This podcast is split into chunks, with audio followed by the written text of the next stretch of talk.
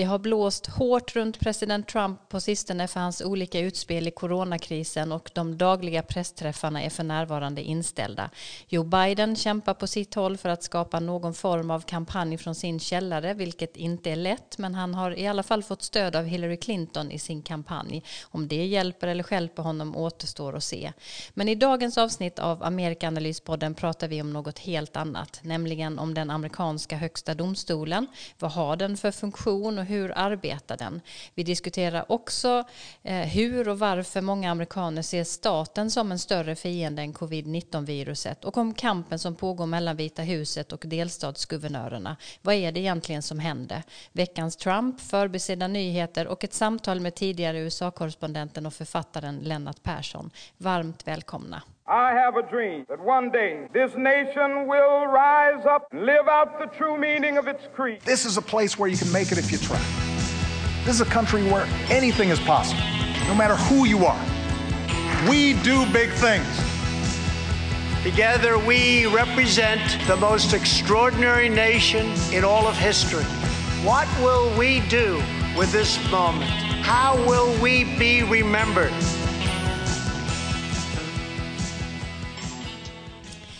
Ja, och vi som gör den här podden är Karin Henriksson i Washington, Dag Blank i Stockholm och jag Frida Stranne som sitter utanför Halmstad. Hej Karin och Dag. Hej, hej. Karin, eh, jag börjar med dig som eh, ju är eh, i Washington. Kan du säga någonting om läget i USA och hur, hur livet är där? Ja, jag tror man får säga att folk börjar bli väldigt trötta på det här viruset och alla följderna. Det ser man i opinionsmätningar, man ser det och hör bland folk man känner och det, det är dystert. Och det är lite oklara signaler också från högsta ledningen om man säger så. så det är, och folk försöker liksom hålla humöret uppe med en massa kul idéer på internet och sådär men det, det, börjar, det börjar bli tröttsamt. Mm. Eh, vi ska ju höra Lennart Persson eh, idag beskriva sitt Amerika senare i programmet och igår när vi skulle banda det inslaget så blev det uppenbart hur väldigt olika våra liv är just nu. Precis innan vi skulle slå på inspelningen så flög det stridsflyg över New York där Lennart bor som en hyllning till sjukvårdspersonalen som jag förstår det som ju sliter väldigt, väldigt hårt eh, i New York. Och Lennart berättade om hur han begränsas i sitt liv just nu när han försöker ta en cykeltur då och då för att komma ut. Och samtidigt så hade jag utanför min dörr här i, eh, i min hönsgård här på landet båda mina tuppar som höll full låda. Eh, och känner mig isolerad på ett annat sätt kanske. Jag ser inte så mycket människor, jag befinner mig långt utanför städerna, jag går inte förbi någon eller har någon balkong mitt emot eh, på andra sidan gatan. Så man Eh, Eh, är isolerad på så många olika sätt och vi kommer säkert att ha väldigt många olika berättelser från den här krisen och ensamheten eh, och hur isoleringen ser ut för var och en på väldigt många olika platser. Hur har du det Dag? Eh, du är ju i Stockholm. Kan du fortfarande handla mat och fika från dina trevliga ställen runt dig? Ja, livsmedelsaffärerna är öppna här i Stockholm förstås och även naturligtvis restauranger och kaféer. Även om det är begränsningar hela tiden. Man ska inte vara för många, man ska inte stå i köer och så. så att jag går ut och handlar och man kan gå och köpa en kopp kaffe men man tar med sig den ofta därifrån. Det är inte jättemånga som sitter där ändå. Det är vissa barer det har varit mycket diskussion om i Stockholm och några har blivit till och med nedstängda för att det var för mycket folk. Men eh, jag tycker att många följer reglerna även inne i Stockholm. Mm. Ja, det ser väldigt olika ut och vi här i Sverige har ju i alla fall möjligheten fortfarande att vara ute förhållandevis eh, mycket, lite annorlunda där, du är Karin ju. Förra veckan så utlovade jag att vi skulle ge lite boktips eh, i det här programmet utan några medföljande recensioner dock, det hinner vi inte nu, det kanske vi kommer tillbaka till någon annan gång. Men Karin, eh, först med dig, vad skulle du rekommendera? Ja, det är kul att titta här på tv-kanalerna som jag ju gör stora delar av dagen, eller på att säga. Det, alla reportrar jobbar ju hemifrån och även då de som, som svarar på frågorna, intervjupersonerna är ju ofta hemma. Och då har de nästan alltid en bokhylla bakom sig. Och det är kul att titta på det. Det är väldigt många som har eh, presidentbiografier och eh, högst syrliga. Och till exempel en som man ser nästan överallt är Ron Chernows eh, som handlar om US, Ulysses S. Grant. Och det var Chernow som skrev den här väldigt berömda numera biografin om Alexander Hamilton som blev, blev en jättesuccé på Broadway och andra teatrar. Men annars skulle jag rekommendera Edmund Morris eh, jättevolymer om Theodore Roosevelt. De, de är väldigt bra. Mm.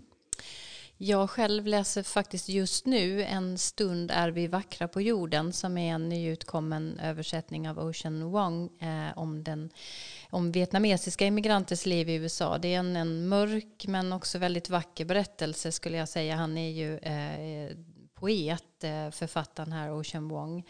Annars eh, så skulle jag nog eh, vilja tipsa om White Trash, The 400 Year Untold History of Class in America av Nancy Eisenberg som jag tycker är en väldigt intressant läsning om klass i USA som det pratas ganska sällan om. Eller varför inte Our Kids, The American Dream in Crisis av Robert Putnam som handlar om den amerikanska drömmens löften och problemen som blir när de inte uppfylls. Ehm, jag tror att vi kan komma tillbaka till många olika boktips sen eh, i olika sammanhang. Men Dag, vad har, vad har du så här på rak arm någonting? Ja, jag läser just nu lite i Ezra Kleins Why We're Polarized som är en ganska nykommen och omtalad bok om den polariseringen i det amerikanska politiska livet. Han är ju en av grundarna av den här Vox, en av eh, webbsajterna, nyhetssajterna på, som har blivit väldigt spännande tycker jag. Och där premissen är, ni minns Hillary Clinton skrev ju den stora boken om förlusten i valet 2016, What happened? Hon var väldigt förvånad och hans utgångspunkt är att man ska inte vara förvånad över vad som hände. Och sen så börjar han förklara vad som har hänt i USA. Mm. Karin, har inte du eh, till och med skrivit en recension om den boken någonstans? Ja, den boken och eh, faktiskt en annan väldigt bra bok som heter eh, American Carnage som är skriven av en eh, journalist som heter eh, Tim Alberta. Den och sen en bok till som heter Unmaking of the Presidency har jag skrivit recension om i tidningen, eller tidskriften Access. Nog, jag tror de kommer nästa nummer. Det handlar om Republikanska partiet och, och dess eh, problem kan man väl säga.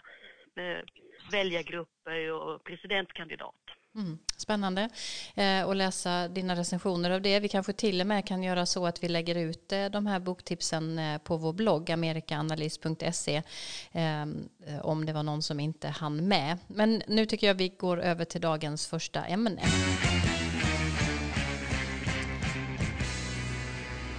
Ja, i det här avsnittet så ska vi behandla två olika ämnen som vi brukar göra. Dels Högsta domstolen och sen också förhållandet mellan den federala regeringen och delstaterna.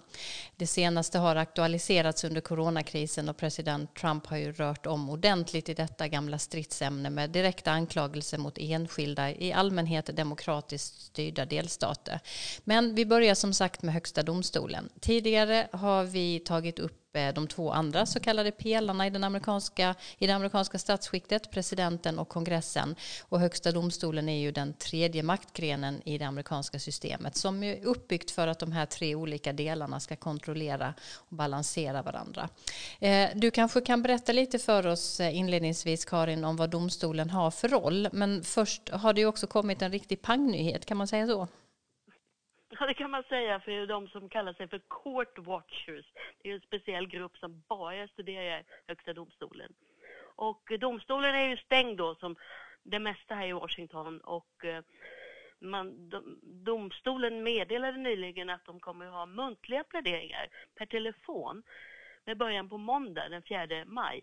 Och det är intressant därför att tidigare har domstolen Dels har de totalvägrat att släppa in kameror och dels så har de då tillåtit bandupptagningar av överläggningarna inne i själva domstolen.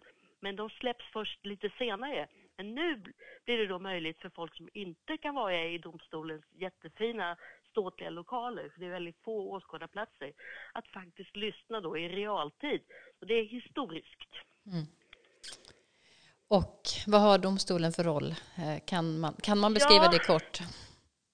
Ja, man kan säga att domstolen är mycket mäktig. Den är både sista rättsinstans och författningsdomstol. Och då i enlighet med det som du sa från början, alltså att det är ju, den är en av de tre grenarna i det amerikanska systemet och eh, presidenten skulle då kunna ta initiativ till en lag och kongressen kan stifta en lag för att om inte gör vad domstolen har sagt. Men det är ytterst sällsynt att det sker faktiskt. Och sen kan man säga att eh, domstolen har nio ledamöter och de tillsätts på livstid. Mm. Eh, när du säger livstid, det måste betyda att antalet eh, HD-domare genom tiderna har varit ganska få, alltså från USAs grundande och framåt? Precis, det är bara 102 personer sammanlagt. Och ett par av dem har tjänstgjort först som en av de åtta så kallade justices och sedan också då tagit nästa steg upp och blivit ordförande, Chief Justice. Och den nuvarande chefsdomaren, den 17 i ordningen, heter John Roberts och han tillsattes av George Bush. Och det är bara fyra stycken som har varit kvinnor. Den första, Sandra Day O'Connor, tillsattes av Ronald Reagan och de övriga tre, och de sitter i domstolen nu, har tillsatts av demokratiska presidenter. Supreme Court Justice Ruth Bader Ginsburg says she's doing better after receiving chemotherapy treatment for a pancreatic tumor. She spoke at the National Book Festival in Washington Saturday. This audience can see that I am alive.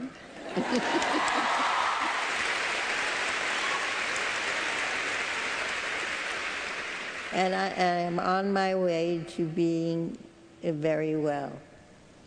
Ginsburg added she will be prepared to go back to work. The court returns from its summer break on the first Monday in October.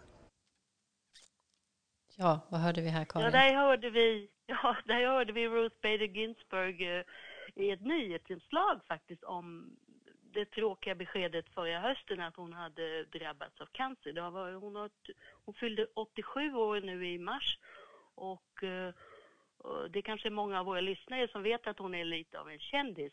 Men framför allt så är det att hela, alla demokrater i hela USA, de får drabbas av eh, ren panik varje gång det har kommit ett sjukdomsbud, vilket det har. Men hon vägrar att gå i pension fastän det skvallras om att Barack Obama försiktigt försökte få henne att i alla fall fundera på saken att han skulle kunna ersätta henne med någon med liknande åsikter, inte minst om kvinnors rättigheter.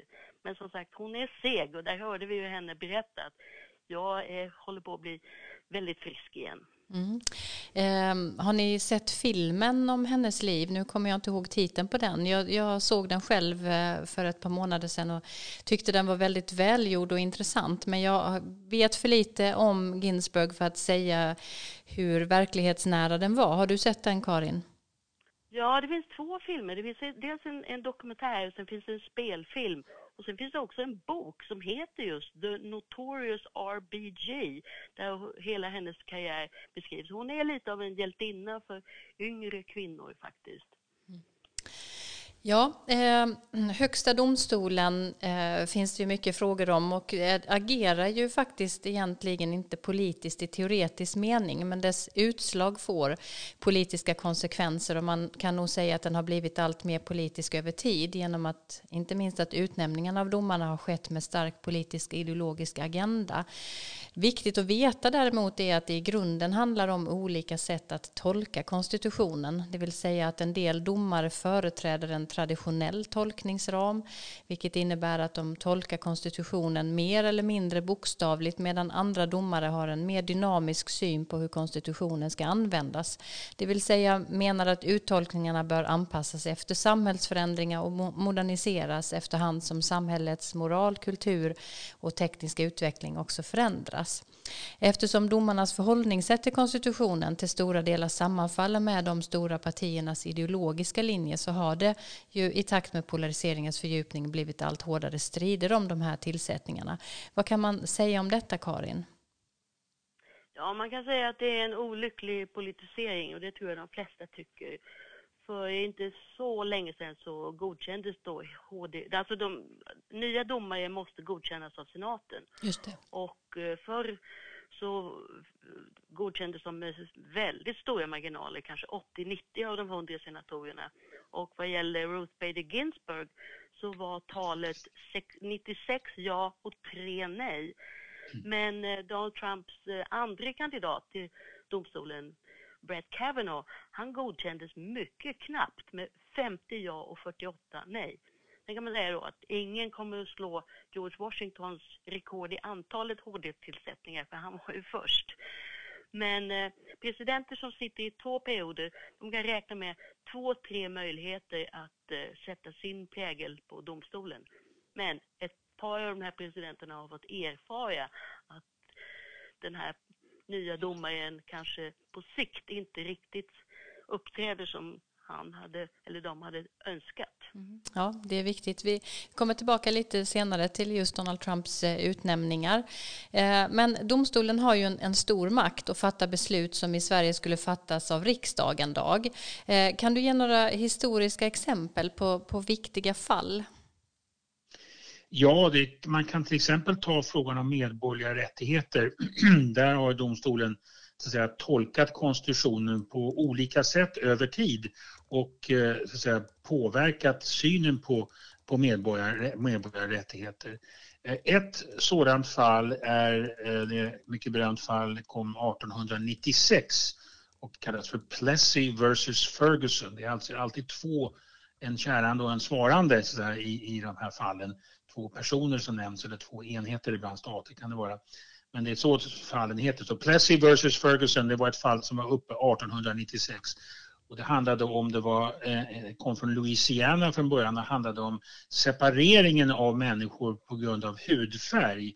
Det handlade om i det här fallet på ett tåg, att man separerade svarta och vita. Och huruvida det var korrekt instämde med konstitutionen, framförallt med det fjortonde författningstillägget som talar om den lika rätten inför lagen.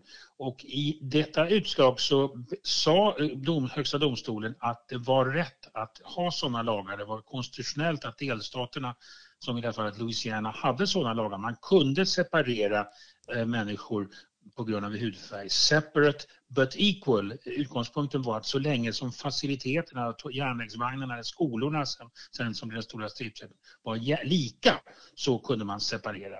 Det var en läsning, ganska, en, en väldigt speciell läsning av, av, av det här eh, 14 tillägget men det la grunden sen för den lagliga segregeringen framförallt i de amerikanska sydstaterna där det fanns lagar då, där delstaterna hade lagar där man segregerade Eh, personer i skolor och i offentliga utrymmen och sådana saker. Den vändes på den, det utslaget 1954, ett lika berömt utslag som heter Brown vs Board of Education som kom från Kansas, delstaten Kansas och handlade just om segregeringen av offentliga skolor. Där Högsta domstolen då hade en annan åsikt och sa att det var omöjligt att separera och människor och samtidigt ha jämlika förhållanden.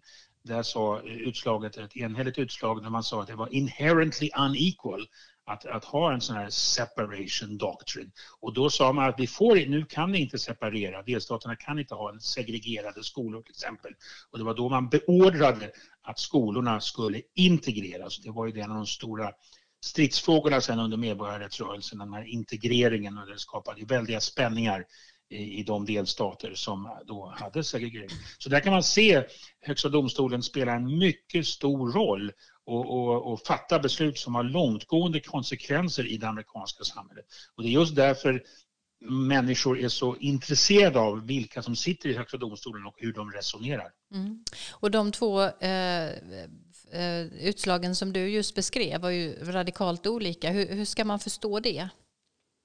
Ja, man ska förstå det på att man, man, tol, man tolkar eh, konstitutionen på olika sätt. Man värderar de lagar som finns på olika sätt och det är också en av poängerna med Högsta domstolen att den ska kunna reflektera förändrade åsikter till exempel i samhället, eh, eh, att, att man inte längre kan acceptera, eh, acceptera segregering på det sättet. Så att det, på det sättet är det en, en levan, ett levande instrument. Mm.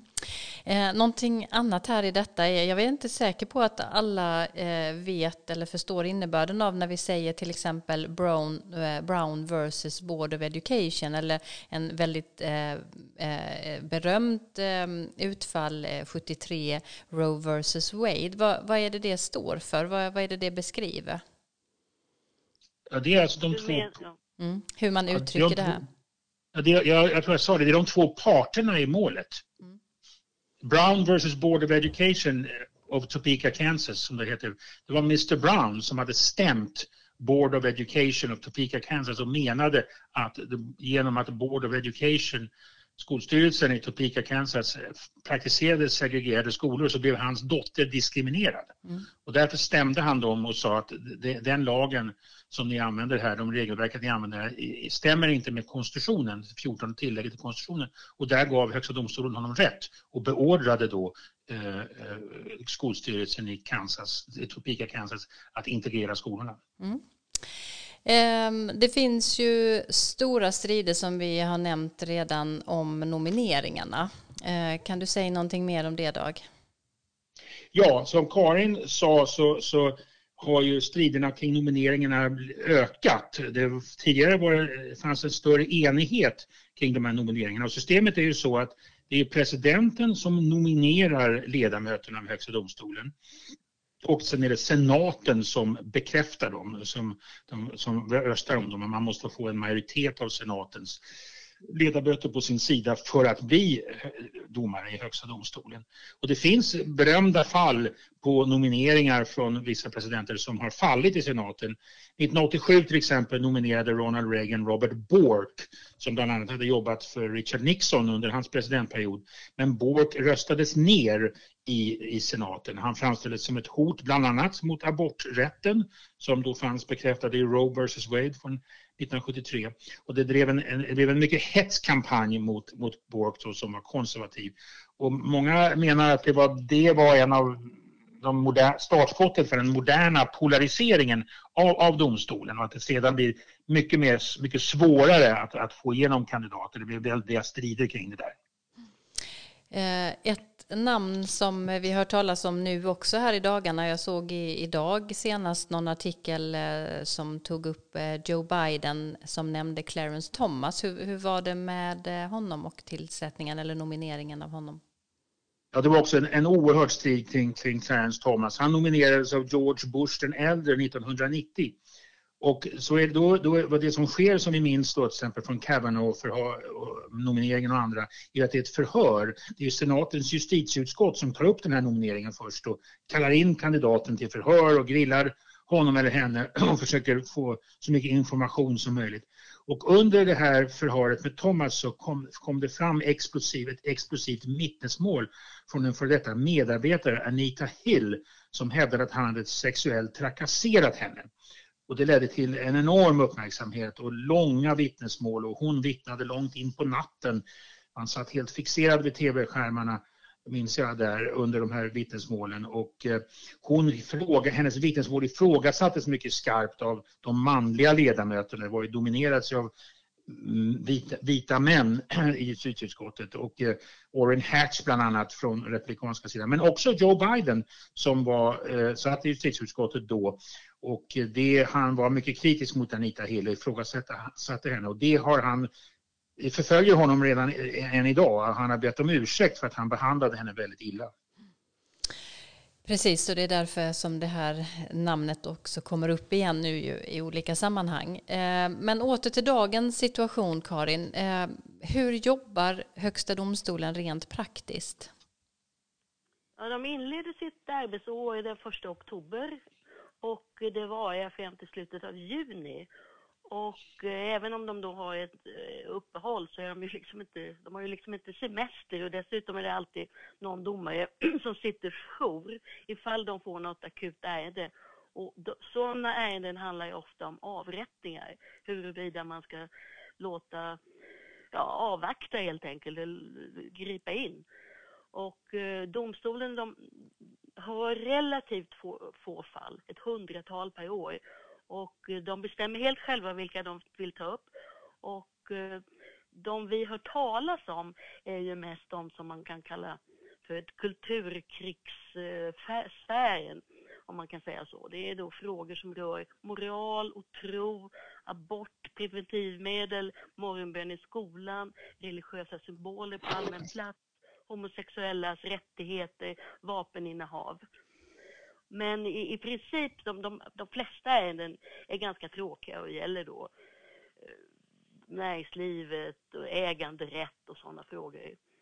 Och eh, balansen i domstolen har varit 5-4 i de konservativas favör i nästan ett halvsekel.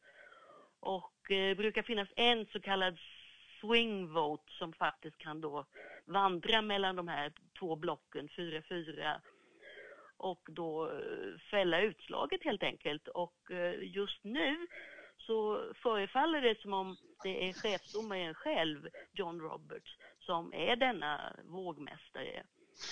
Och eh, domarna de ställer ju inte upp i, i intervjuer. De, de, lever ett ganska hemligt liv. Så det är då mer en tolkning från omgivningen om vad, det är, vad som ligger bakom de här ställningstagandena.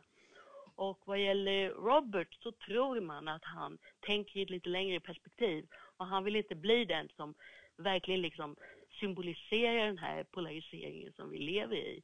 Så han försöker framhålla att domstolen är en oberoende institution som alla ska kunna känna förtroende för. Och han avvisade till exempel Trumps, Donald Trumps tal om att det skulle finnas Obama-domare och Clinton-domare och eh, sen kan man också säga då att, eh, den, att liberala kritiker tycker att eh, den konservativa majoriteten har gjort väldigt mycket för att stärka för storföretagens roll och, och eh, inte till exempel varit så eh, vänligt inställda mot mål som har gällt fattigdom till exempel. Och eh, ett annat mycket berömt utslag nu på senare år kallas för Citizens United som innebar att företag kan eh, skänka pengar till politiska kampanjer. Och sen kan man slutligen då om det här hur de jobbar kan man säga att, att särskilt under Roberts så är det en del som menar att utslagen är så kallat snäva. De, de, de gäller bara i, i faktiskt det fall som, som domstolen har behandlat och har kanske inte den prejudicerande roll som man hade hoppats på från, från omgivningen. Mm. Eh, är det då något särskilt spännande mål som ska avgöras eh, nu eh, i det närmaste? Ja, den här sessionen är kanske inte den allra mest explosiva vi har sett, men det är några stycken mål som, som man väntar på. Och ett handlar ju om abort i Louisiana och det är inte en ny fråga heller, utan det gäller om abortkliniker ska ha möjlighet att skicka eh, sina patienter vidare till sjukhus. Och sen gäller ett eh, Trumps eh, inkomstskatter eller deklarationer. Och det är då egentligen en principiell fråga om huruvida presidenter har, kan åberopa immunitet. Och sen finns det två, ett par mål som handlar om kyrka-stat och ett om framtiden för en myndighet som inrättades under Barack Obama, Consumer Financial Protection Bureau, som eh, republikanerna har haft ett ont öga till hela tiden. Mm. Ja, det tycker jag i alla fall. Alla de här tre är någonting att se fram emot vad utfallen kan bli. Vi kanske får redovisa det framåt eh, när de dyker upp. De två domarutnämningar som Trump har fått möjlighet att göra har ju väckt väldigt starka reaktioner eh, bland liberala. Jag var själv utanför kongressen när Kavanaugh eh, skulle godkännas och det tror jag att jag har berättat om tidigare här i podden om vilken, eh, vilka enorma eh, skaror människor eh, som hade samlats utanför kongressen med kvinnor då tillresta från hela USA för att protestera mot den utnämningen. Eh, Gorsuch var ju en annan eh, eh domare som Trump utsåg eh, som också var kontroversiell om än inte på det sättet som Kavanaugh eller väckte lika mycket reaktioner men ändå eh, reste en hel del frågor. Men hur kan man säga att de har agerat när de nu har suttit på sina poster ett tag? Har de fått bekänna färg på något sätt, Karin? Ja och nej kan man säga. De har ju då som väntat sällat sig till de tre andra i det konservativa blocket. Det var ju ingen hemlighet. Och eh, det blir extra intressant att se hur de ställer sig i det här abortmålet. Men det är, de, det är bara det andra arbetsåret som de har suttit i domstolen så det kan nog dröja ett tag till innan man säkert kan säga var de hamnar. Men i de eh, vad ska man säga, grafiska illustrationer som görs av hur, hur domarna har eh, resonerat och röstat så, så menar en del uttolkare, en del sådana här court watchers att, eh, att Brett Kavanaugh befinner sig närmare det som är mitten idag än eller ungefär där John Roberts är, medan då Neil Gorsuch eh, befinner sig betydligt längre ut i det konservativa blocket. Och sen bara ett, ett snabbt PS där, alltså vi, vad gäller Roe versus Wade, där är ju då Roe en, en kvinna som eh, ville göra abort. Och där är, ser man då att det här var en fråga som egentligen borde lösas lagstiftningsvägen, men det fanns inget, ingen majoritet för det. Och, eh, så det här handlar ju då om en kvinnas rätt till sin egen kropp och huruvida det skydd, den skyddas av eh, konstitutionen. Så det där är den typen av väldigt komplicerade frågor som dyker upp. Mm. Har vi missat något? Finns det någonting mer att tillägga eh, så här eh, dag om Högsta domstolen? Jag tycker man ska understryka det som Karin sa, att det faktum att de sitter på livstid eh, betyder att de har väldigt stor och ska ha väldigt stor möjlighet att agera självständigt. Hela, hela principen bygger på att de är fristående från de två enheter, presidenten och senaten, som har tillsatt dem så att säga. Och att de kan eh, ändra åsikt. Det finns många exempel på domare som faktiskt har vandrat Eh, på den ideologiska skalan, oftast mot, eh, från det konservativa till det mer liberala hållet. Till exempel eh, domar, chefsdomaren Earl Warren som var väldigt inflytelserik under 1960-talet under Warren-domstolen när det gäller medborgerliga rättigheter och sådana saker. Han utsågs av, nominerades av president Eisenhower och han trodde nog att han skulle vara mycket mer konservativ än han blev sen. Så att eh, nu återstår det att se, nu är polariseringen så stark, har blivit ökat. Men det skulle vara intressant att se om även de här domarna som utses eh, de senaste åren här kan beskriva den utvecklingen också. Mm. Eh, och nästa president finns väl en eh, ganska god möjlighet eh, att den, oavsett vem det blir, kommer att få utse någon domare under nästa mandatperiod, eller hur? Ja, det, det är ju åtminstone två till som är runt 80. Så mm. det finns, eller vänta nu, Stephen Breyer är också i 80-årsåldern. Ja. Mm. Ja, ehm, då avslutar vi eh, diskussionen om Högsta domstolen tänker jag och eh, går vidare. Vi har eh, ett inslag i vår podd som vi kallar för Mitt Amerika där eh, kända USA-kännare eh, ger sin bild av USA. Och denna veckans gäst att berätta om sitt Amerika är författaren och tidigare USA-korrespondenten Lennart Persson. Han flyttade till USA redan 1984 där han först bevakade amerikansk ekonomi för Dagens Industri och har sedan med undantag för en kort period i slutet av 80-talet bott i New York. Lennart har också varit korrespondent korrespondent för Dagens Nyheter och Sydsvenskan. Men de senaste tio åren har han huvudsakligen ägnat åt författarskap och sedan 2011 har han gett ut inte mindre än åtta böcker. Den nionde är dessutom nu aktuell och kommer i maj med titeln Lögnerna, USA och kriget i Vietnam. Senare i år kommer också Franklin D. Roosevelt, president, president i kris och krig. Och jag började med att fråga Lennart om hans första möte med USA. Eh, ja, den första gången jag reste till USA var 1976. Ehm, det var inte alls min första utlandsresa, men det var ändå så att det var ganska givet för mig att jag skulle resa till USA.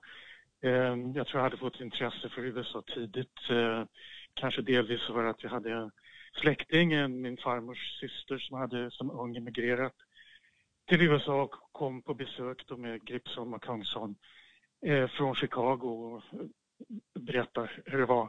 Det där väckte lite ett intresse samtidigt som jag fick tidigt intresse för amerikansk politik och ännu mer kanske för då populärkulturen, film och musik.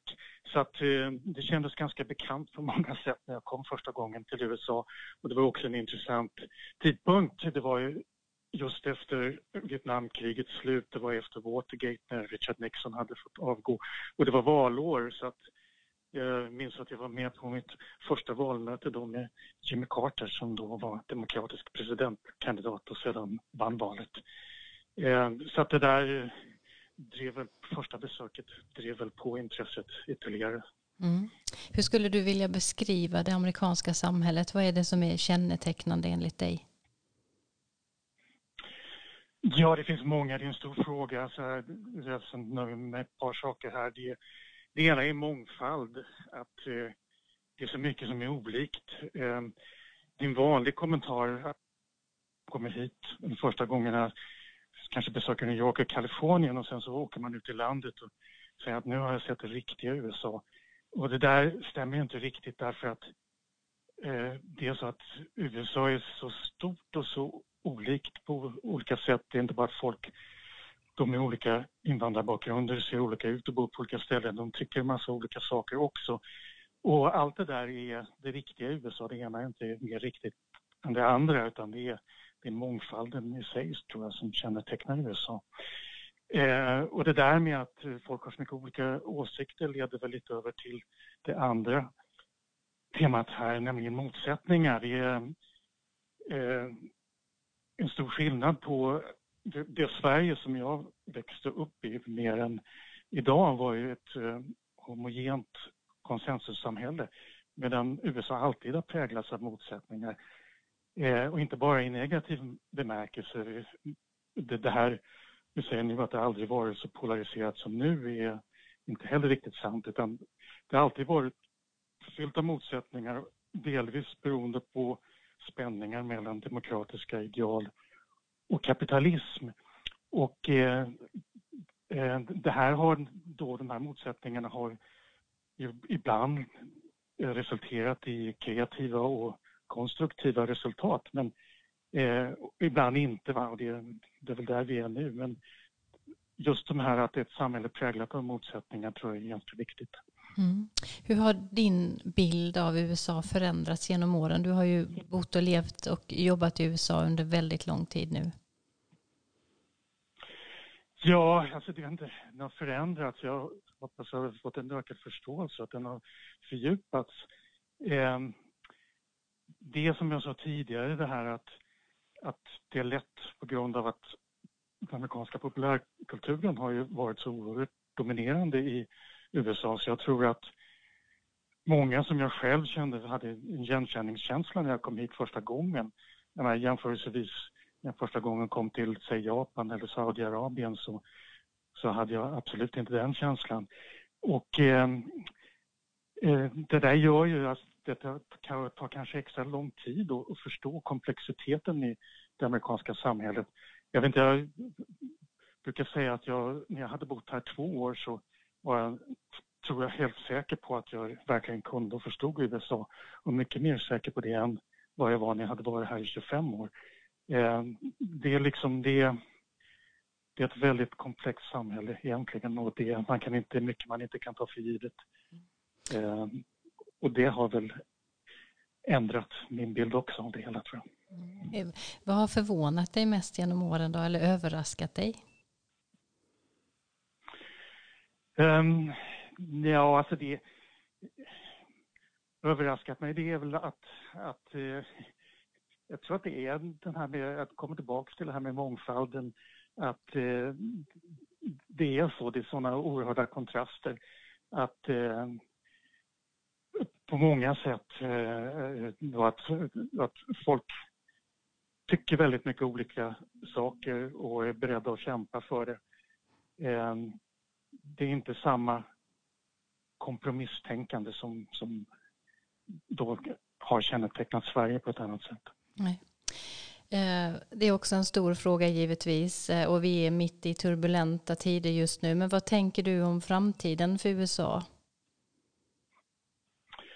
Ja, det går, ser man på kortare eller i alla fall överskådlig sikt så, så går det inte att bortse från eh, de här omständigheterna nu kring coronakrisen och det är, jag tror att det är närmast, bortsett från de rent medicinska effekterna så är det omöjligt att, tror jag, riktigt eh, förutse de ekonomiska och även politiska konsekvenserna.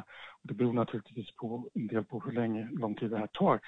Eh, så att jag vill inte ge några tvärsäkra prognoser men det finns en massa scenarier och man kan ju se lite grann bakåt i tiden på 1900-talet, de två största kriserna, så, så eh, blev eh, reagerad, reaktionerna i USA diametralt motsatta. Efter första världskriget som då också sammanföll med en förödande influensapandemi så slöt sig USA inåt. Eh, för första gången blev mer nationalistiskt och för första gången så infördes då hårda generella restriktioner för invandringen. Eh, man hade flera presidenter som var svaga ledare.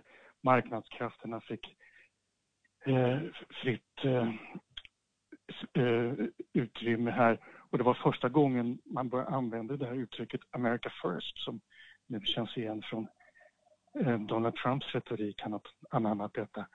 Eh, det hela slutade ju illa med börskraschen först och så 30-talsdepressionen och sen andra världskriget. Eh, då blev det ett helt annorlunda utfall när Franklin Roosevelt valdes till president.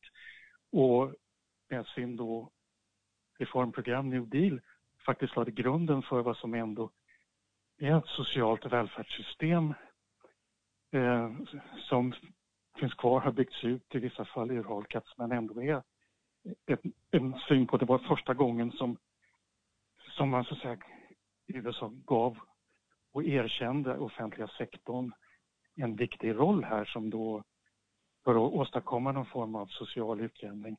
Och det ledde ju också till sen andra världskriget när Franklin Roosevelt fortfarande är president och han då eh, det, ja, gick i spetsen för att USA skulle få en ledarroll och lade grunden för ett internationellt samarbete med FN och andra organisationer. Hur det där ska falla ut nu beror ju väldigt mycket på vad som händer i valet i år. Skulle Donald Trump i, i höst, skulle Donald Trump bli återvald så är det nästan säkert att det första alternativet gäller. USA blir mer nationalistiskt, sluter sig inåt och kommer att undandra sig en internationell ledarroll.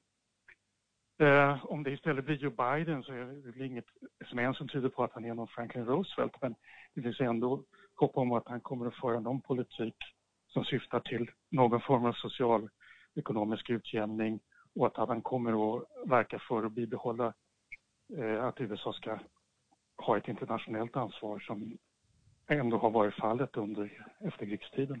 Mm. Ja, det är ett väldigt intressant eh, år som vi är mitt inne i. Stort tack Lennart Persson för att eh, du var med i Amerikanalyspodden.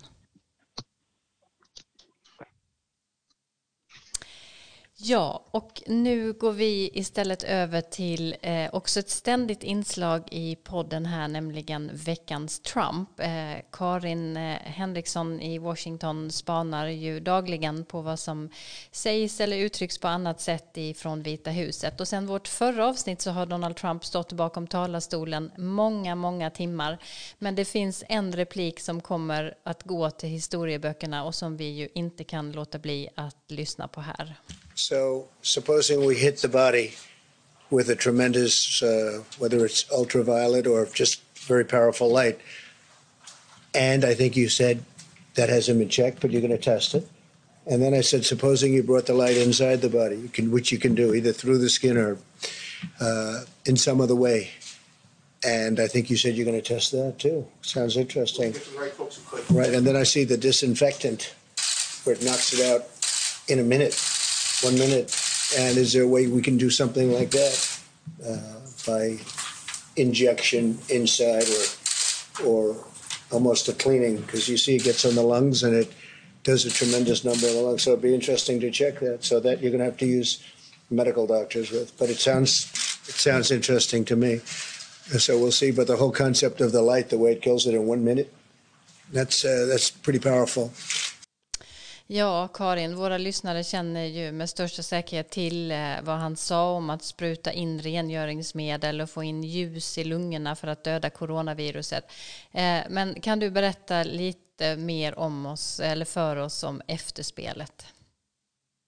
Ja, i första hand så ledde det till i alla fall ett kort avbrott i de här nästan dagliga pressbriefingarna som egentligen skulle handla om pandemin men som allt som oftast blev en Trump-show och ibland rena kampanjmötet med utfall mot Joe Biden och medierna och delstater som inte till, ansågs tillräckligt tacksamma. Men den här gången så får man väl ändå konstatera att han gjorde sig till åtlöje i hela världen. Och det hjälpte inte sen att han försökte slingra sig undan Och, eh, och sen att han den, den gången han ett par dagar senare faktiskt fick en fråga om detta så sa han att han inte alls kände sig skyldig, att han inte tar något som helst ansvar. Och det är andra gången han, han säger det rent ut, att han inte på något sätt har något ansvar för vad som har hänt. Och eh, i historien får vi väl säga att det finns exempel på fadäser som ingen glömmer. Och det här kan ha varit en sån. Ja, det kanske till och med är sannolikt att det är en sån som kommer att eh, pratas om lång tid framåt. Ja, vi har ett ämne kvar att avhandla idag, eh, nämligen synen på staten i USA och den pågående kampen här mellan presidenten också och eh, delstaterna. USA är ju som bekant en federation med en maktdelningsprincip, dels mellan presidenten, kongressen och högsta domstolen som vi har pratat om idag, eh, och mellan den federala nivån och de ingående delstaterna som styrs av en guvernör, en delstatskongress och domstol. Maktfördelning fördelningen mellan den federala och delstatliga nivån är en ständig dragkamp men har under de senaste dagarna nu alltså tagits till en ny nivå som vi ska prata lite om nu. Dag, du skrev ju bara här i dagarna eh, på vår Amerikanalysblogg eh, och jag citerar dig här att Trumps uttalande och så får vi lägga till Twitter då om att befria Michigan, Minnesota och Virginia är en exceptionell uppmaning av presidenten till invånarna i tre delstater att motsätta sig beslut som i laga ordning har fattats av delstaternas regeringar och myndigheter och befria delstaterna som om de vore ockuperade. Detta är något nytt menar du och kan om det fortsätter utgöra en utmaning mot det fundament som den amerikanska republiken vilar på. Eh, det är väldigt starka ord. Vad, vad, vad menar du med, med detta? Ja, med det menar jag att det går till hjärtat i, den, i federalismen. Principen som handlar om hur den amerikanska federationen ska styras. Och som du sa, vi har ju maktdelning på olika sätt. Vi har ju talat om maktdelningarna mellan de olika politiska grenarna. Idag talar vi om Högsta domstolen. Men sen har vi också maktdelning på olika nivåer mellan den federala nivån, mellan delstaterna och mellan de lokala nivåerna också, ska man inte glömma bort.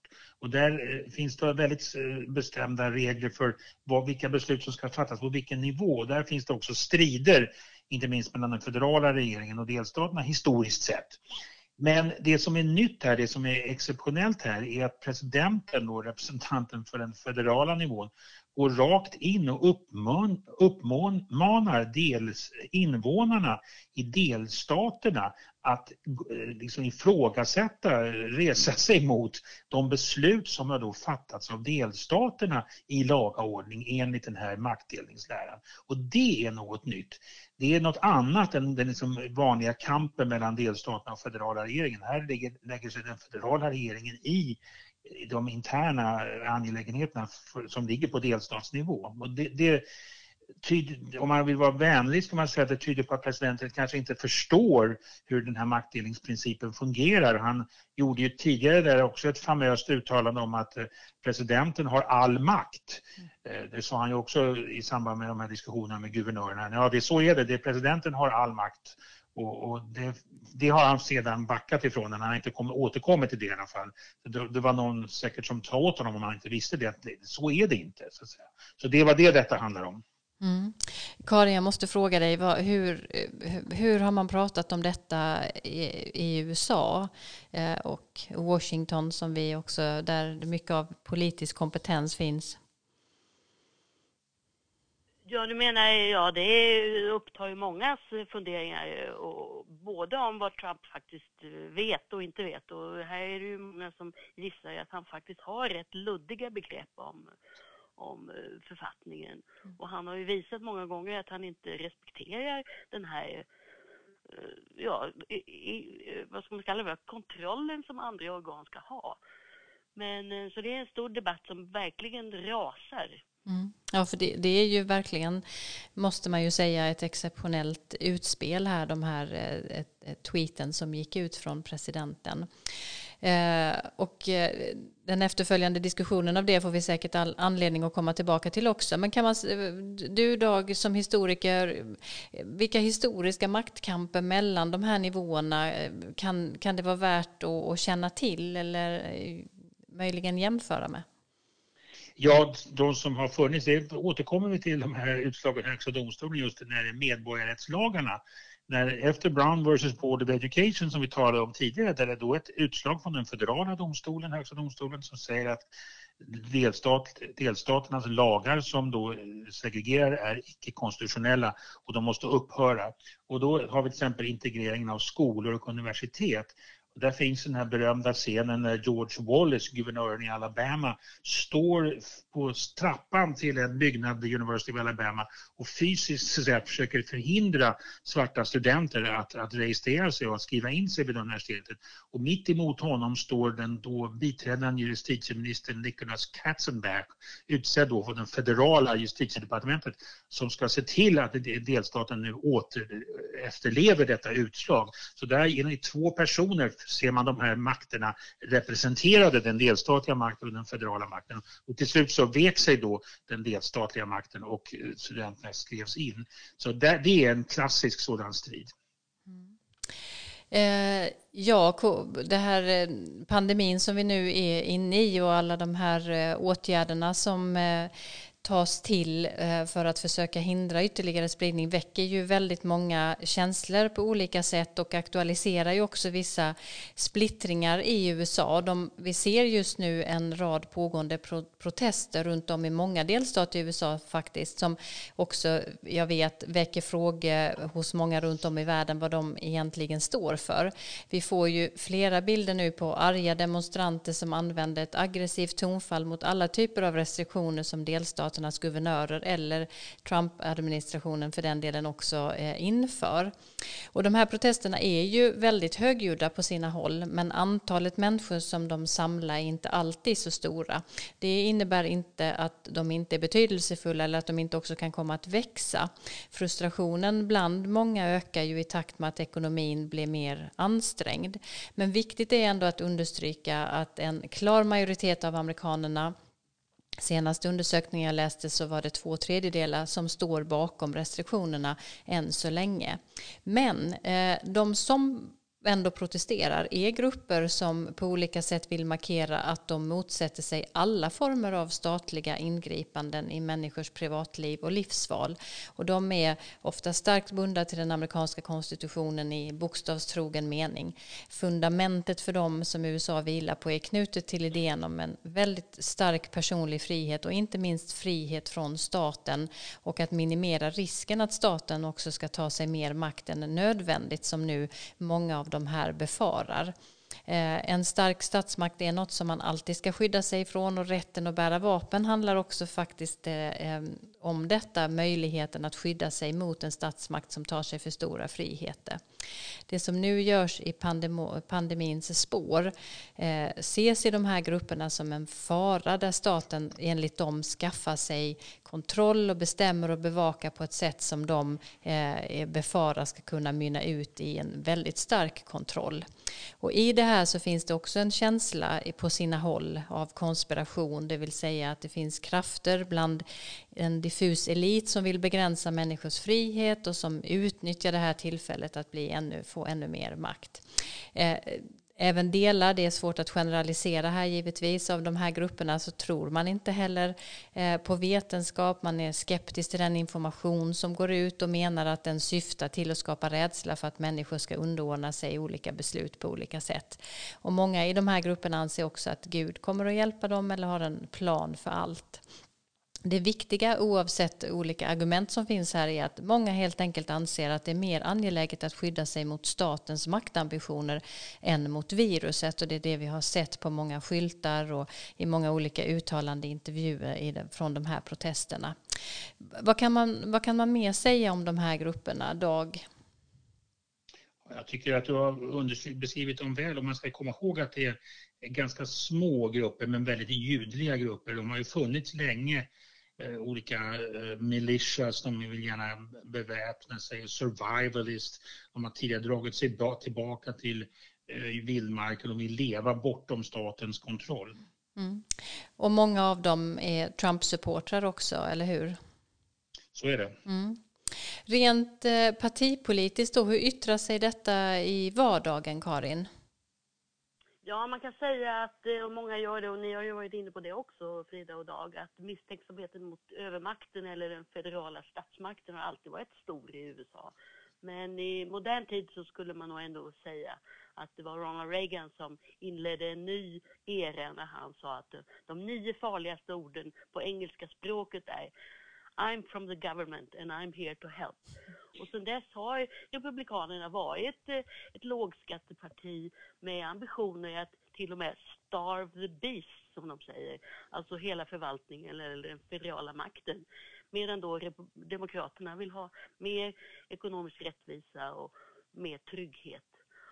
Och eh, bara ett PS lite till det ni sa lite tidigare om, om Trump och, och och den federala makten. Han har ju näst, verkar nästan se på den som ett, ett, ett personlig han, han säger att det är hans egen förvaltning, det är hans makt, det är, han är presidenten, han är, han är USA och han talar gärna om jag och mig och vi. Och sen har ju, det var främst var det hans svärson, den inflytelserike rådgivaren Jared Kushner som sa att eh, den federala staten är bara till som backup för delstaterna. Och det tror jag också är en replik som kan komma och, och uh, spöka i framtiden. För jag tror faktiskt inte att de flesta amerikaner ser det så, utan att de ser det som att den federala staten finns där som som, eh, som en hjälpgumma ifall att det händer någonting katastrofalt. Det var ju otänkbart att Mississippi skulle få skulden för att de inte hade tillräckligt mycket husvagnar för att hysa in eh, människor som blev hemlösa efter en orkan till exempel. Mm. Och sen handlar det också om hur mycket delstaterna betalar in i skatt och där är det så att de så kallade blå demokratiska delstaterna betalar betydligt mer än de får tillbaka. Mm. Så det där spökar ju också. Och mm, många delstater har det väldigt kämpigt just nu. Ja, precis. Och då är det till och med tal om att eh, att de borde gå i konkurs. Det var ett hot som eh, den republikanske senatsledaren Mitt McConnell uttalade häromdagen. Och då får han höra att nej, de kan inte gå i konkurs. Dessutom har de ju väldigt stora utgifter för sin verksamhet så att säga. Och nu så kanske det inte kommer in några skattepengar, så hur ska de göra då? Mm. Om jag får lägga till där så det som Lennart Persson sa i din fina intervju där Frida, skillnaden med första och andra världskriget och det som hände efter andra världskriget när staten, den federala staten verkligen framträdde genom New Deal och sen fortsatte framförallt under Lyndon Johnsons Great Society. Det etablerade ju den federala staten och det etablerade just staten i sådana här nödsituationer. Jag tror att de flesta amerikaner Eh, förväntar sig att den federala staten ska göra någonting här. Även om man annars ofta kritiserar och beklagar sig över skattetrycket. Så nu ser man väldigt tydligt att det finns ett behov här. Och det, jag undrar om inte det kommer bli en, en lärdom av det här i USA. Mm. Jag tror också att man ser här att, att det, det, finns ett politiskt innehåll även där. Att jag tror man har redan sett det, att det verkar finnas en, en tendens hos Trump att eh, titta mer på de så kallade röda då, republikanska staternas behov här. Mm. Jag säger kanske det alldeles för ofta men det finns all anledning tror jag att komma tillbaka till detta ämnet vid något senare tillfälle så att det lär vi väl få göra för den här striden som pågår nu är eh, nog inte över i det närmsta. Eh, en timme går väldigt fort när man har roligt. Eh, vi brukar avsluta med förbisedda nyheter, lyfta lite nyheter som har hamnat i skymundan av allt som beskrivs och som skapar rubriker i media. Eh, vad är det som har hänt eh, nu tycker ni som borde fått lite mer utrymme? Karin? Jag tycker det är spännande att följa mediernas roll här och eh, det mest sedda tv-programmet just nu i USA är ett nyhetsprogram som heter World News Tonight i tv-bolaget eh, ABC. Och alltså vänder sig folk då till de traditionella medierna och det tycker jag är jätteintressant. Men man kan också säga att det finns ju inga sportevenemang att titta på så det spökar nog eller spelar in också. Mm, absolut. Eh, Dag, eh, vad tycker du? Ja, jag tycker att vi fick just siffrorna från primärvalet i Ohio som ju faktiskt genomfördes Eh, mycket genom poströstning och det tycker jag är en intressant utveckling och det kommer det säkert en, det är en stor strid om det redan. Det kommer fortsätta fram till höstens val. Hur, kommer man att, hur ska man genomföra presidentvalet? Då kommer poströstning att spela en stor roll. Det finns ju flera delstater som redan gör det och visar att det fungerar väldigt bra och att det inte alls är några de här stora problemen som president Trump antyder att det kommer att bli mycket valfusk. Så det tyckte jag var intressant att det genomfördes och även resultatet. Eh, Biden vann som väntat men i ett kongressdistrikt där så fanns en utmanare från vänster mot en sittande mera centristisk demokrat och den utmanaren förlorade. Så det, för, det, bekräftar de här utslagen från utgångarna från 2018, den mer centristiska linjen inom det demokratiska partiet. Mm. Och primärvalet i Ohio är ju verkligen någonting som har passerat nästan obemärkt förbi, i alla fall här i svenska medier. Eh, ja, än en gång stort tack Karin Henriksson i Washington och Dag Blank i Stockholm. Tack också till Johan Lindström för hjälp med ljudklipp och lite tack till mig själv som nu börjar bli varm i kläderna med att rodda inspelningen av våra poddavsnitt helt på egen hand utanför Halmstad. Vi hörs igen den 14 maj. Ta hand om er och varandra tills dess. Håll avstånd. I have a dream that one day this nation will rise up and live out the true meaning of its creed. This is a place where you can make it if you try. This is a country where anything is possible, no matter who you are. We do big things. Together, we represent the most extraordinary nation in all of history. What will we do with this moment?